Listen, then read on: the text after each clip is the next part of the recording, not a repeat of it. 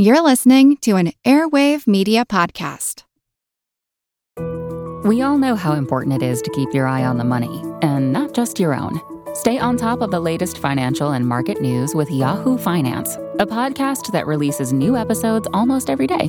You'll hear a brief overview of the biggest news in the financial world, all in three minutes or less, right after markets close. Check out Yahoo Finance wherever you get your podcasts. That's Yahoo Finance wherever you get your podcasts. This is Kick Ass News. I'm Ben Mathis. With all the stresses of life, it can be easy to lose perspective on what really matters. But Heineken believes that life is about being with friends and opening yourself to new experiences. Because when you live spontaneously and embrace the unexpected, it's a chance to create new stories and connections. You just have to open it. So enjoy a refreshingly cold, full bodied Heineken lager today with its deep golden color, light fruity aroma, mild bitter taste, and a crisp, clean finish. Cheers! And now, enjoy the podcast. Hi, I'm Ben Mathis. Welcome to Kick Ass News. Folks, for the handful of you who've listened to this podcast from the very beginning, you might recall an early episode I did with Senator Lindsey Graham, who voiced his vehement opposition to the 2015 Iran nuclear agreement. At the time, I sided with Senator Graham, among other things, echoing the argument that Iran would be able to quickly ramp up its nuclear weapons program once the deal sunsets. And while Senator Graham, in a rare show of support for President Trump, endorsed the U.S. withdrawal from the deal in May of this year, I, on the other hand, did not. Why?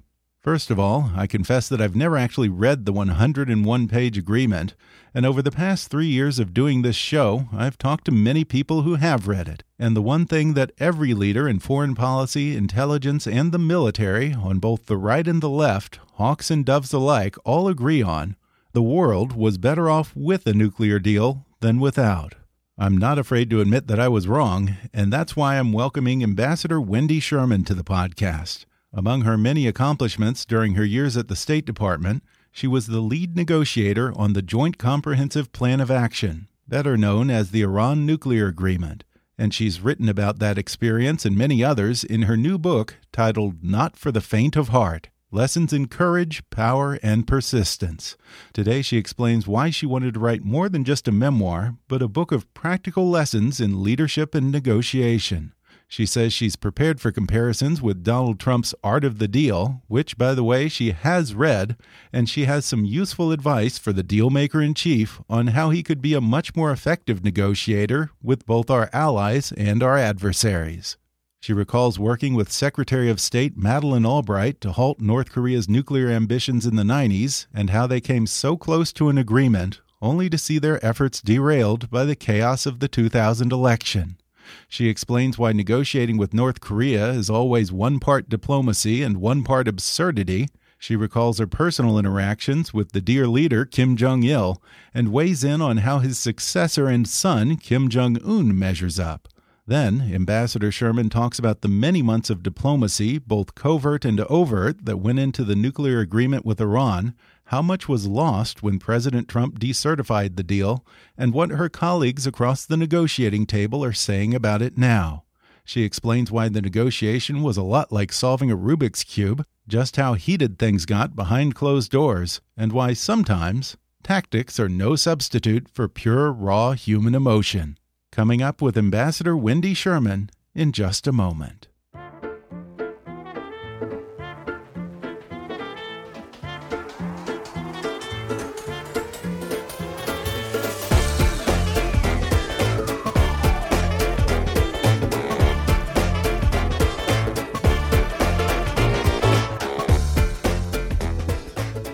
Ambassador Wendy Sherman served as a high level diplomat and advisor in the State Department during both the Clinton and Obama administrations. She's one of the few people who have sat across the negotiating table with North Korea and Iran, and indeed in 2015, she was the lead negotiator on the Iran nuclear agreement. She brings her years of wisdom and experience to her new book called Not for the Faint of Heart Lessons in Courage, Power, and Persistence or as I like to call it, the anti art of the deal. Ambassador Sherman, welcome to the podcast. Thank you. It's great to be with you, Ben. Well, I joke, but the book is a little different from the typical memoir in that you present your story in the format of lessons in negotiating and leadership. Uh, I'm sure that you're prepared for the likelihood that readers and also the press will draw contrast between your book and that of a certain self proclaimed deal maker in chief. Indeed. You know, soon after the president was elected, I was going through Dulles Airport in Washington, D.C., outside of Washington, which I do often because I travel a great deal both in this country and around the world. And I saw The Art of the Deal in paperback and figured I ought to read it and see what it was about. and, uh, you know, negotiating, uh, building a building is sort of a little different than negotiating war and peace. Uh, when you build a building, uh, if it doesn't get built, people go live someplace else and you go on to another project. The stakes are a little different when it's the national security of your country. For sure. The book is structured in terms of lessons that you've learned and want to impart. And one of the biggest points that you drive home in the book, and also wherever you speak to students and aspiring diplomats, you say that you wish them an unexpected life. You're a great example of that. Tell us a little bit about your winding path that led you from being a social worker to politics and ultimately diplomacy. Right. I'm quite fortunate and lucky. Uh, luck is important in life, uh, but what I think is really important, important is to get a core set of skills, is what I say to young people, and then use that core set of skills for whatever opportunities come your way. So, uh, one of the things that I did was get a graduate degree in social work as an organizer, and I only half joke that my clinical skills are very helpful with members of Congress and dictators. uh, but I used that core set of skills first as the director of child welfare in the state of Maryland when I was quite young, uh, and uh, really had to learn how to deal with very difficult issues like child abuse and foster care, institutional care for kids uh, which has really come home to me as I watch uh, these separated families uh, over the last mm. few months, uh, where little children have been pulled apart from their parents in their attempt to seek asylum in this country. It just totally breaks my heart. But I went on from that uh, through a friendship cre- uh, developed with a Baltimorean, whereas, which is where I'm from, Barbara Mikulski, right. and went to Washington to become her chief of staff ultimately ran her campaign for the U.S. Senate, her successful campaign. Really proud to have been part of that. Uh, and having organized that using my organizing skills, I worked on presidential campaigns. I was a partner in a Democratic media consulting firm. And then I got a call from a political colleague, uh, Tom Donilon, who was then a lawyer, went on to be national security advisor for President Obama some years later. And Tom said uh, it was a Sunday night. I was having dinner with some friends at home. Uh, he said, uh, Would you come in and see Warren Christopher tomorrow? It was going to be Martin Luther King's birthday. And uh, I couldn't imagine why Warren Christopher, who was going to become Bill Clinton's first Secretary of State, wanted to see me. But I thought, well, what the heck? Um, you know, one of the things in my book is a chapter on letting go. And although that has some sad parts to it, it's also about letting go maybe from what you're doing and risking opening yourself up to a new opportunity. So I went to see Chris, and to make a long story short, he wanted me, if the president agreed, to become the Assistant Secretary for Legislative Affairs, to, in essence, lobby on Capitol Hill for the U.S. government's uh, State Department uh, on uh, foreign affairs and national policy. And I said to him, also a lesson I say to young people be honest about what you can do and what you can't do. I said, if you want someone who knows everything about national security and foreign policy, I, I might not be the person. I know some things because you can't do electoral politics without learning some things, but I wasn't a, a, uh, an expert. But if you want someone who knows Washington and knows Capitol Hill, I might be that person. So, indeed, I was confirmed uh, to be the Assistant Secretary for Legislative Affairs.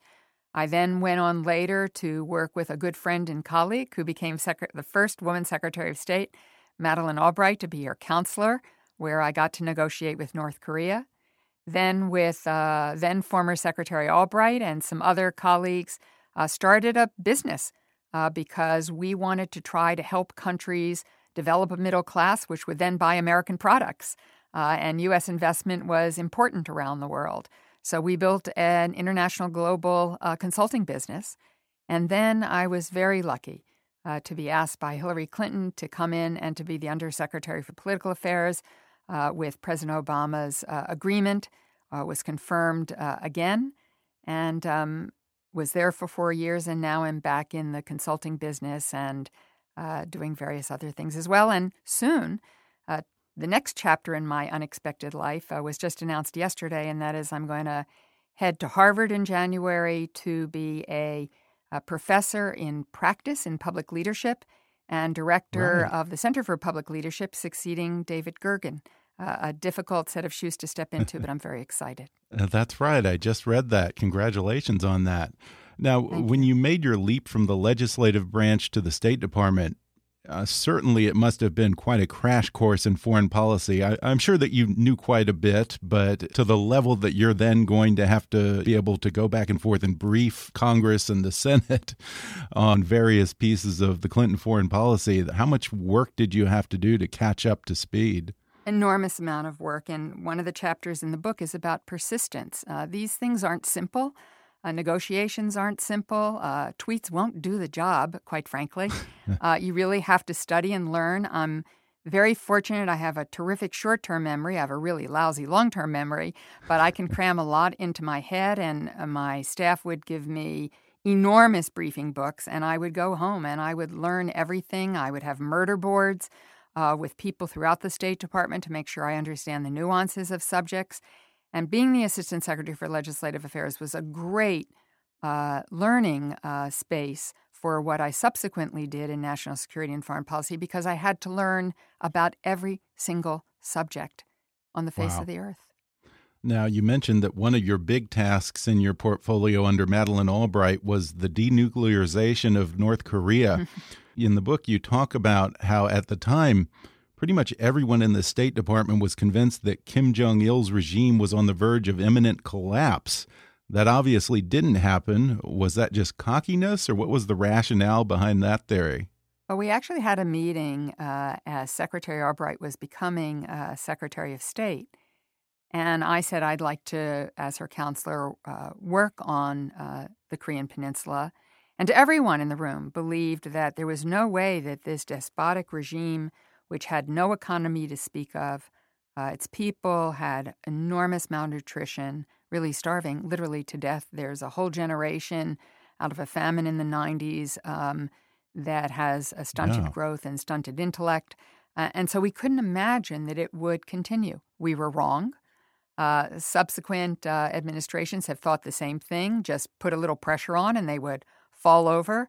Uh, but uh, North Korea is a culture of what they call juche, self reliance. And it is an ideology that says if we have to starve uh, to uh, protect our regime, to ensure our future, starve to build nuclear weapons and long range missiles, that's what we're going to do. And you traveled to North Korea a couple of times, I think. And there's a great quote in here about your experience negotiating with North Korea. Uh, you say dealing with North Korea always involves one part normal diplomacy and one part absurdity.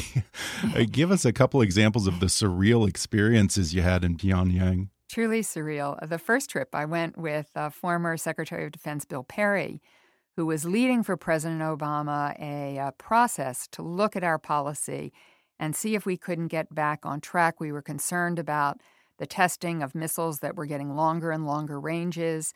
Uh, we were concerned that if uh, North Korea went back to trying to get a nuclear weapon, at the time they had no nuclear weapons, uh, that we were quite concerned. And so I went with Bill to North Korea, and uh, one of the things we did, uh, they wanted to show us their rice paddy and their hard workers.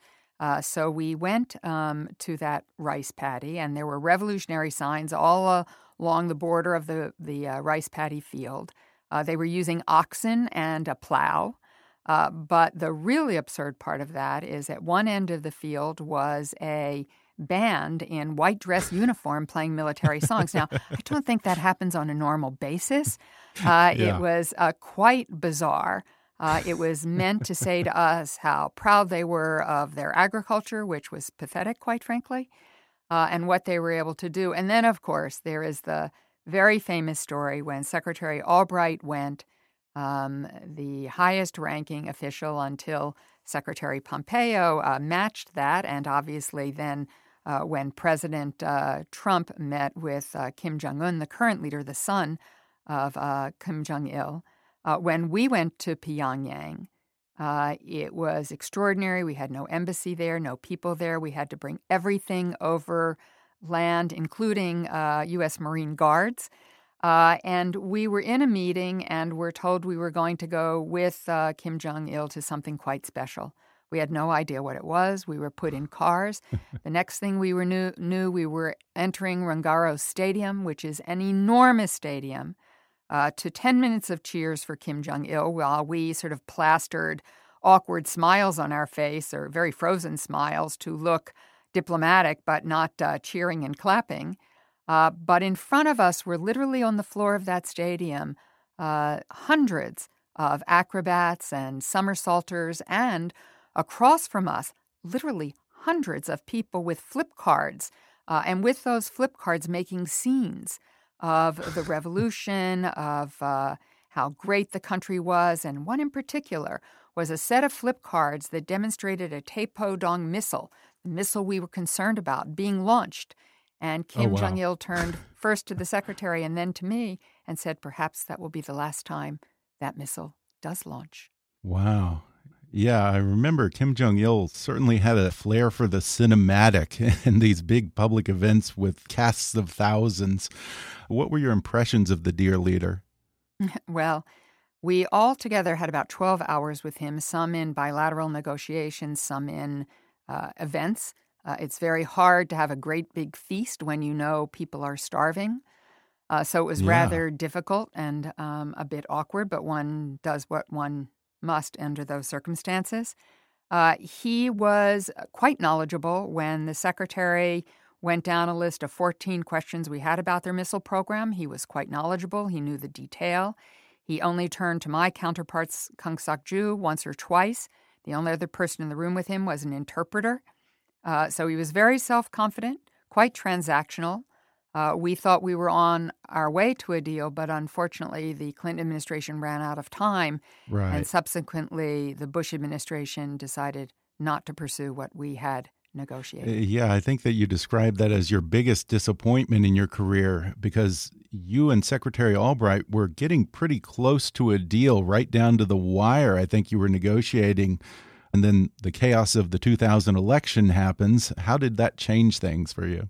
Well, it was very hard. I think, you know, one of the things for all of us in life is letting go. We like to imagine we're in control of a number of things. And of course, there's a lot we are not in control of. I've had some personal tragedy in my family that really taught me in a very painful and personal way that lesson. And I talk about that in the book.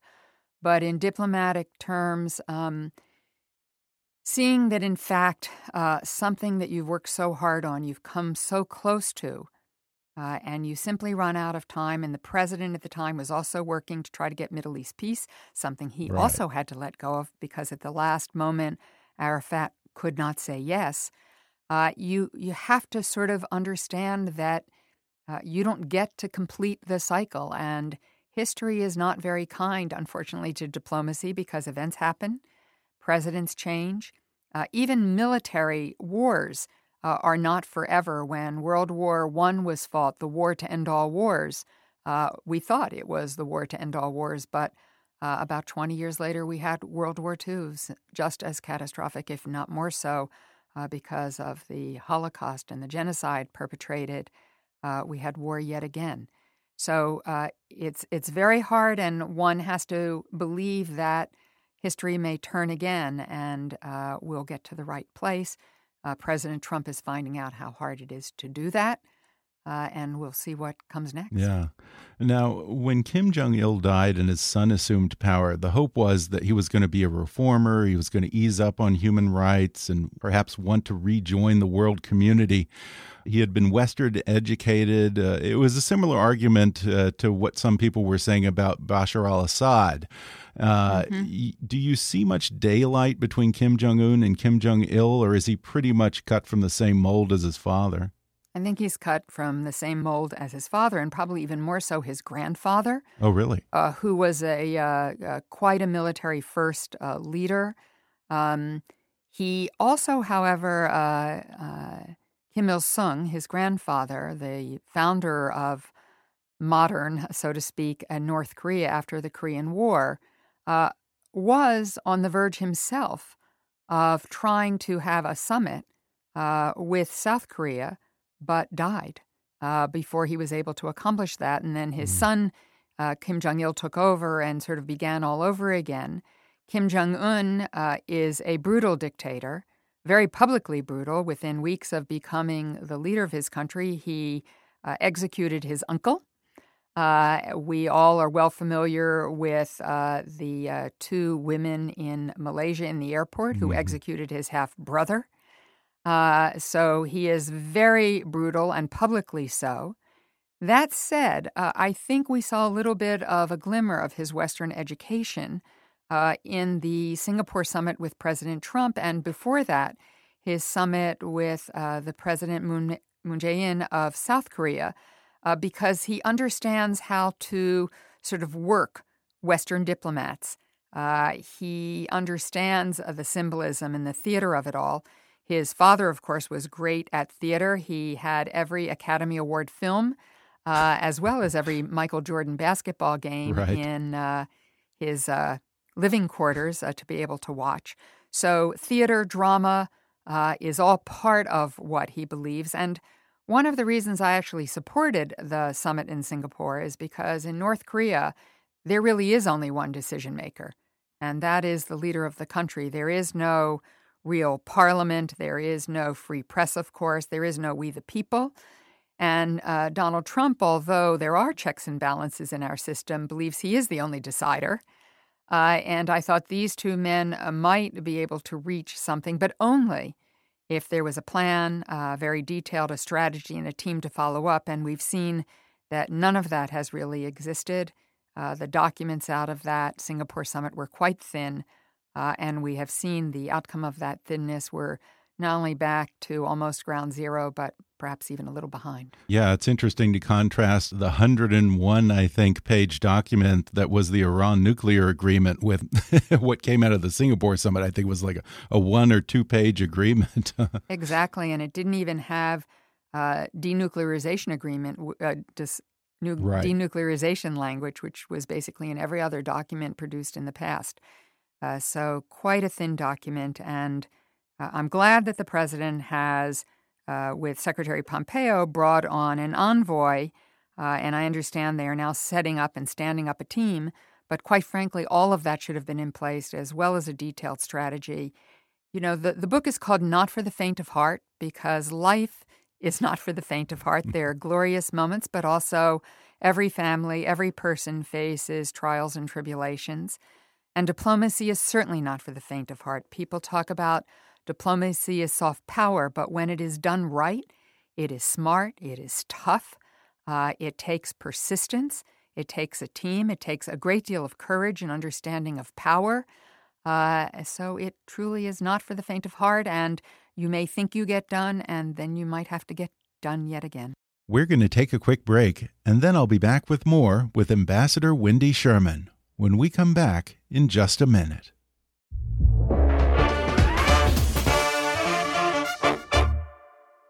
Hiring used to be hard. Multiple job sites, stacks of resumes, a confusing review process. But today, hiring can be easy, and you only have to go to one place to get it done.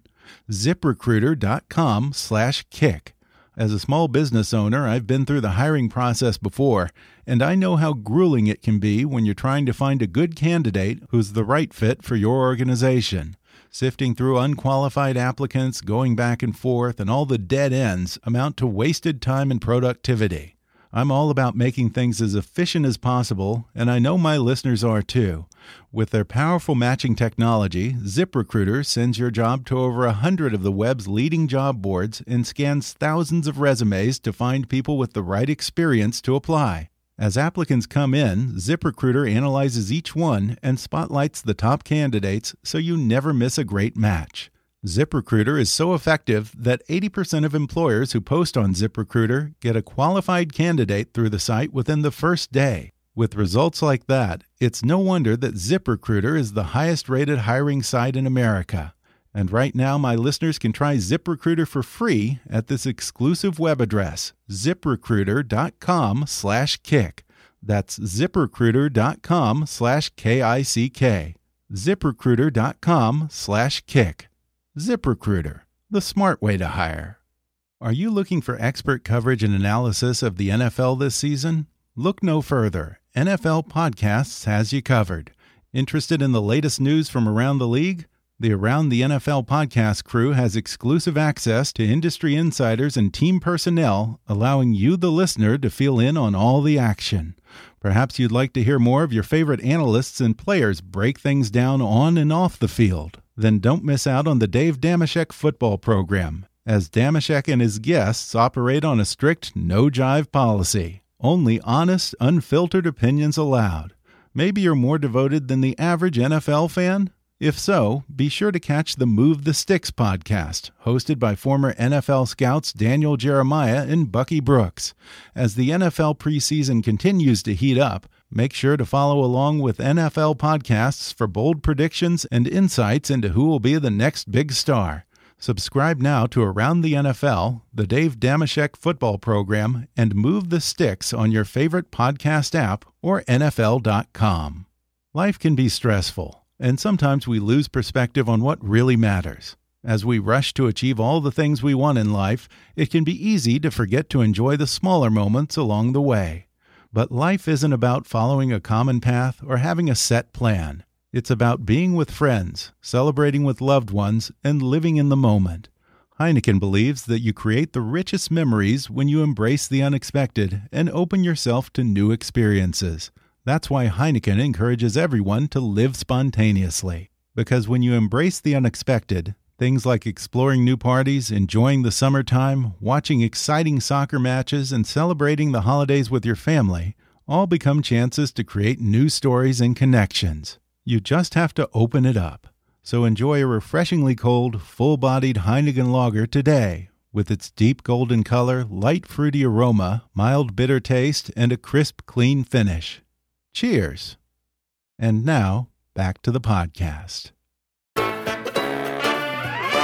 You have a chapter about power in your book. Uh, we tend to think of power, and certainly Donald Trump seems to think of power in terms of being a blunt instrument.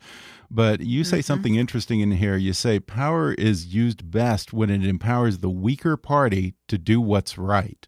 You know, someone who really understood that was Yitzhak Rabin, the mm. prime minister of Israel. Yes. Uh, who uh, said famously that he understood that he had to help Arafat have enough power to be a partner. He had to hold him up. And in fact, in 1995, when Rabin was assassinated by someone in his own country, uh, by a right wing Israeli uh, who did not want to see peace coming, uh, many people thought it was the end of any ability uh, to move forward, and it's been very tough ever since. Uh, but what I think President Obama understood in the Iran negotiation, for instance, was that we needed, and Secretary Kerry, Secretary Moniz, me and my team, is that you need to leave everyone with enough power so that they can make an agreement durable. They can deal with their politics at home. And even though the United States was the preeminent power in the Iran negotiation, the deal could not have been made without us. We are the military force that would have had to take action if diplomacy did not work. Uh, we had the strongest economic sanctions uh, possible, although Europe certainly played an enormous role, as did others around the world. Nonetheless, every other party at the table had a veto power, uh, had a power to uh, change the direction of the negotiation, and even President Rouhani of Iran had to be left with enough power so that he could sell the deal at home. Yeah, and the official negotiations drug on for, I think, nearly a month in Vienna. They were incredibly complex, and you often liken the experience of working with Iran and our partners in the P5 plus one to solving a Rubik's Cube. Yes. Explain that analogy for us. I'd say two things. I used a Rubik's Cube because the Iran negotiation, which was so complicated, had so many technical elements to it, that like a Rubik's Cube, if you moved one piece, then it changed all the other pieces. So the press would say to me, What are the odds we're going to get the deal? And I would say, We're either going to get it or we're not, because you could get to 99%. And if you couldn't get that last piece to pop into place, like a Rubik's Cube, you didn't have a deal. You didn't solve the puzzle. Uh, and I also described it in the following way to do these very complex negotiations, uh, to use the Iran example, uh, I negotiated within the Obama administration. I negotiated with Capitol Hill.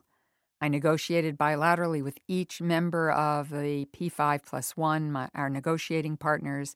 I negotiated with Israel. I negotiated with the Gulf states. I negotiated with uh, non governmental organizations who had something to say about nuclear weapons and missiles. Oh, and yeah, occasionally I negotiated with Iran. It is, it is a very, very complex, labor intensive process. Uh, and most of the people who were in this negotiation, including myself, were multitasking all the time because, as Undersecretary of Political Affairs, I had responsibility for the whole world. So even while I was doing the Iran negotiation, all four years I was Undersecretary, I went to 54 other countries, some of them multiple times. So uh, it, it takes um, an understanding of power, the use of power. Um, it takes persistence, finding common ground with people across the table, uh, building a great team, uh, and of course, uh, working the process to get to success. I don't think that a lot of people understand that uh, these were not bilateral negotiations. Not only the P5 plus one, but you had a whole host of involved parties, such as the Saudis and Israel, right. that you had to deal with. It, it, speaks to something that I think is sorely lacking right now, which is the power of global cooperation and coalition building. Absolutely. You know, George Shultz, when he was Secretary of State, famously talked about the importance of gardening that you have to go out right. and sort of work the soil uh, to make sure yes. that when there is a crisis, you have partners, you have allies. And what we're seeing, going back to your North Korea example now, is that uh, we are diverging from the very people that we need. China has the most economic leverage over North Korea. So when the president imposes tariffs, it's going to have an impact on whether China is going to cooperate with us on North Korea. It, it doesn't mean you have to choose one or another, but you have to work it very carefully uh, to be able to move forward and think about uh, what leverage you have because you can never forget the other side's got leverage too. Um, and that's that's true in, in our personal relationships and in life as well. You know the the difference, uh, Ben, between an autocrat and a diplomat is that when uh, you're a diplomat. You weigh things, you choose your words, you think about what you're doing, you plan for them, and, and know that you're going to have to change your plans. An autocrat often acts impulsively without checks and balances. Diplomats understand that everything you're doing is grounded in history, in culture, in uh, the way the world works, and that you're really working for the future, not just for the immediate, uh, immediately what's in front of you, which is how an autocrat uh, moves forward. So, We've got uh, very difficult times right now, and we cannot forget about our allies, our partners, and those who really make our enormous strength even greater. And a lot of this coalition building in the lead up to the official Iran negotiations took place behind closed doors. And you had, uh, just to get to that point, I think months of back channel negotiations and secret meetings all over the world. It's a little bit James Bondish. Um, that's the kind of thing that used to be common in diplomacy, but the public increasingly demands transparency and that important talks be done in the light of day. And of course, anytime high level meetings take place behind closed doors, the conspiracy theorists go wild. Mm -hmm. Is there still some value to back channel diplomacy and a certain degree of secrecy? Absolutely. Uh, the Oslo Accords for Middle East peace were done in secret. Uh, Cuban negotiations, both by Bill Clinton and Barack Obama, began in secret. Um, the Iran negotiations, as you point out, uh, had been negotiated between uh, Great Britain, France, Germany, uh, and uh, Iran uh, in the early 2000s, and then it became a UN resolution that said all the permanent members of the Security Council, so including China, Russia, Great Britain, France, the United States, and then plus Germany, since they'd been part of the original negotiations, along with the European Union coordinating, should all uh, work together uh, to move forward. Uh, but we understood that uh, the United States needed to get some traction to see if something real could happen here. And so Secretary Clinton, President Obama made a very uh, tough decision, actually based on some contact that then chairman of the Foreign Relations Committee, John Kerry, had with the Sultan of Oman to act as a go between with uh, Iran. Uh, out of that relationship, uh, Secretary Clinton sent uh, a couple of uh, her colleagues uh, to see whether there was something real here. there was a sense, particularly after President Rouhani was elected of Iran, slightly more moderate, though a very conservative cleric nonetheless, not moderate in our terms, but in Iranian terms, was elected. Uh, the president then decided to ask uh, Bill Burns, who was Deputy Secretary of State, Jake Sullivan, who was uh, by then National Security Advisor for Joe Biden, had been Secretary Clinton's head of policy planning, uh, to lead a small group uh, to see if we couldn't get some traction on at least an interim plan that would give us time to negotiate the whole plan. And it was understood that at some point that bilateral secret channel would be brought into the multilateral channel. Uh, that would fall to me to do. And so I started to join those secret negotiations towards the end. And we brought a bracketed text to the P5 plus one. Uh, and uh, I'm not sure I want to give away the story in the book, but uh, when we did that with the foreign ministers, uh, we didn't initially get a particularly great reaction. Uh, it ultimately did get to a place where everyone could agree and create the space and time to get the full joint comprehensive uh, plan of agreement. But those secret channels are quite critical, and I think people are amazed that one can still do that in a 24 7 media uh, world where uh, yeah. people seem to know everything that's going on. You actually can still do these things. Now, there must have been times when this drug on, when you had doubts and things got heated. I wonder, was there ever any truth to the stories that there was shouting during the negotiations and supposedly the Secret Service had to rush into the room because they were afraid the Iranian foreign minister was attacking John Kerry?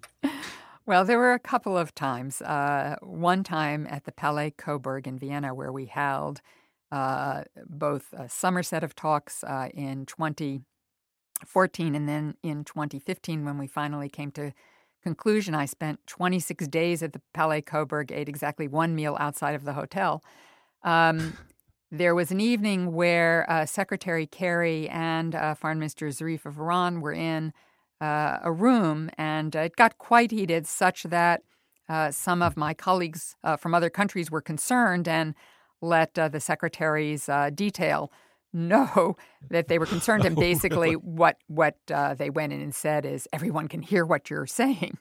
So uh, there was that, uh, and uh, there was a time when we had a very tough, tough bilateral meeting in Geneva after the supreme leader of Iran seemed to undermine what had been agreed to uh, mm-hmm. in uh, Lausanne, creating parameters for a final agreement. Uh, so we met with the Iranians. We always had uh, Helga Schmid, the deputy of the European Union's um, uh, high representative, join us so that our colleagues would know we weren't doing things behind their backs, but um, and had some transparency. So we met bilaterally, and there was such a tough moment that Secretary Kerry banged his fist down on the table. He doesn't get angry very easily. Got really angry and his pen flew across the table and hit my counterpart, Abbas Araghchi, uh, uh, with that flying pen. Not a great thing in diplomacy. Wow. Uh, everybody understood yeah. that was inadvertent, and, and, we got past it, and it, it probably sobered everybody up a little bit. Yeah, uh, that we had to get serious about what we were doing. And you actually open the book by telling a great story about day mm-hmm. 25 in Vienna, and you've got the deal, and you're at the 11th hour. The Iranians want to renegotiate a point, and you just at that point you're mentally exhausted, and you lose your cool a little bit, and actually show some vulnerability during the negotiations but it ends up being a good thing. And it's a great story because yes. I love that it sort of illustrates that no matter how much you follow the rule book on negotiating, there's always that human element that can change the game. Absolutely. Negotiations can't be reduced to a single set of techniques.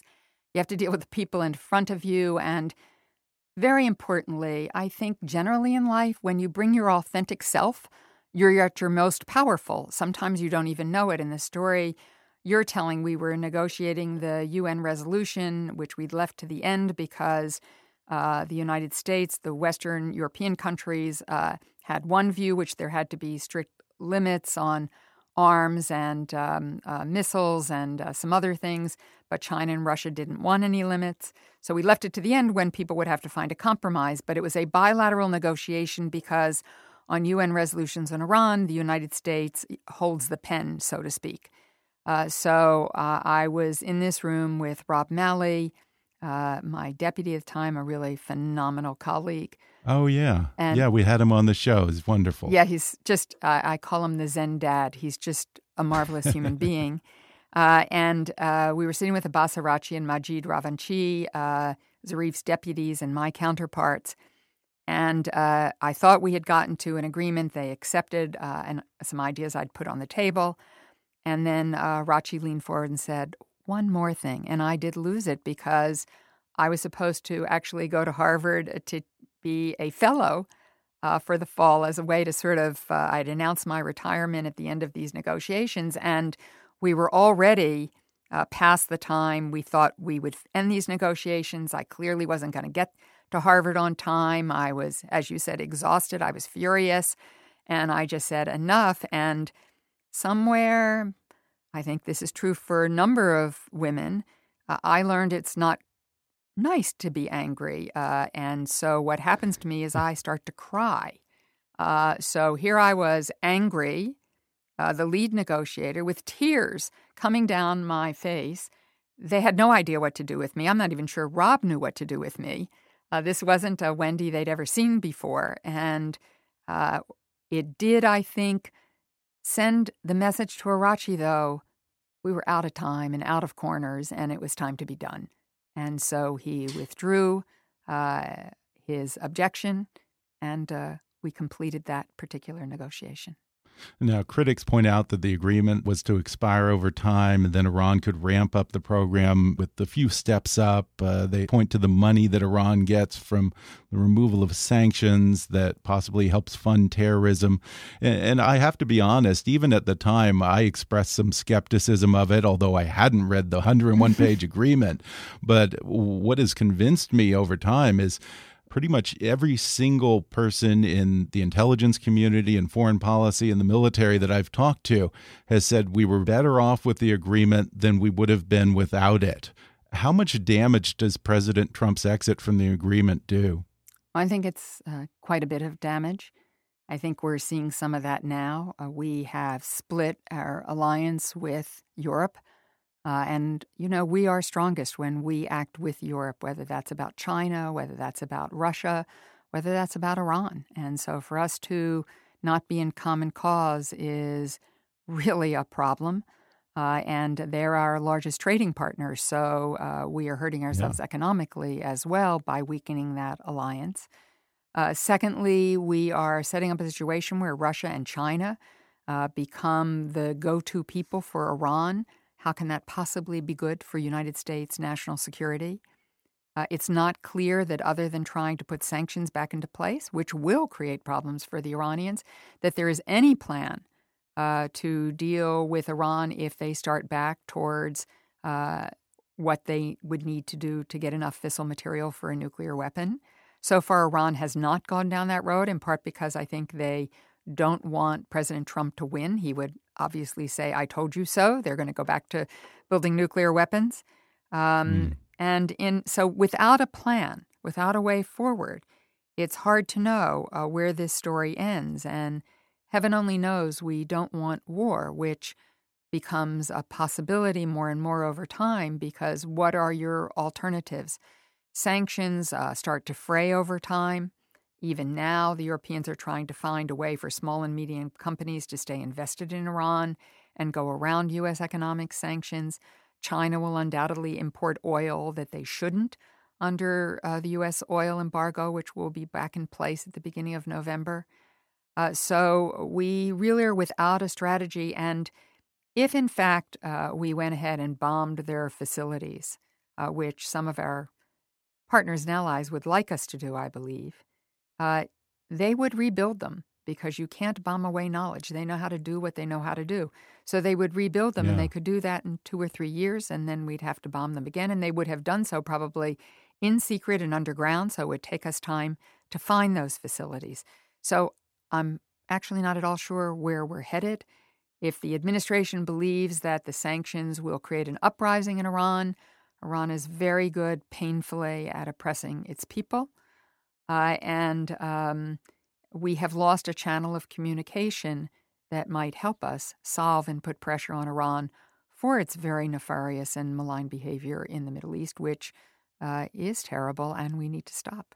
Well, before we go, real quickly, you have a couple of times, I think, met with your former negotiating partners from the P5 plus one and Iran at various speaking events and policy conferences.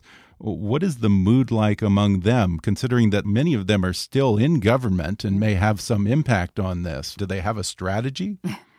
Well, I do think that the uh, Europeans, Russia, China, have met with Iran countlessly. There is a joint commission that the U.S. was part of, but is no longer, obviously, because we've withdrawn, or the president has withdrawn us from it.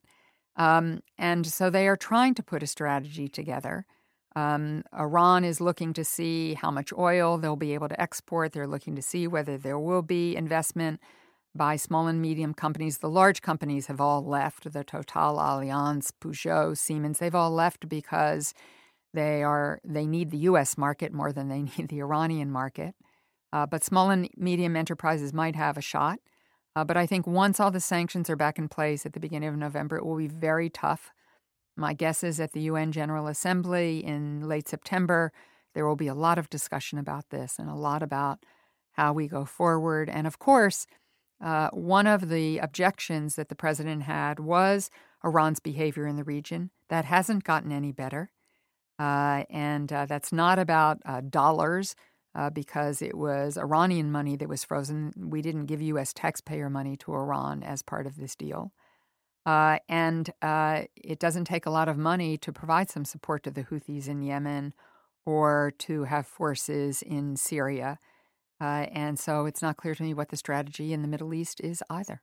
Well, the book is just excellent. There are a lot of great lessons and stories in it. Once again, Ambassador Wendy Sherman's book is called Not for the Faint of Heart Lessons in Courage, Power, and Persistence. Ambassador Sherman, thanks so much for talking with me. Thank you, Ben. Really appreciate it. Thanks again to Ambassador Wendy Sherman for coming on the podcast. Her book, Not for the Faint of Heart Lessons in Courage, Power, and Persistence, is available starting Tuesday, September 4th on Amazon, Audible, or wherever books are sold. Follow Ambassador Sherman on Twitter at, at Wendy R. Sherman. Support for today's show comes from Google Play. Did you know that you can now download and listen to audiobooks on Google Play? That's right. With hands free listening using Google Assistant or Chromecast, you can enjoy thousands of titles a la carte, no subscription necessary. There's even multi device integration across the Google ecosystem. And for a limited time, you get 10 bucks off your first one over $10 by visiting g.co slash play slash kick. That's g.co slash play slash kick. Find your story with audiobooks on Google Play. If you haven't already, be sure to subscribe to Kickass News on iTunes and leave us a review. You can follow us on Facebook or on Twitter at, at KickassNewsPod. And as always, I welcome your comments, questions, and ideas at comments at kickassnews.com. I'm Ben Mathis, and thanks for listening to Kickass News.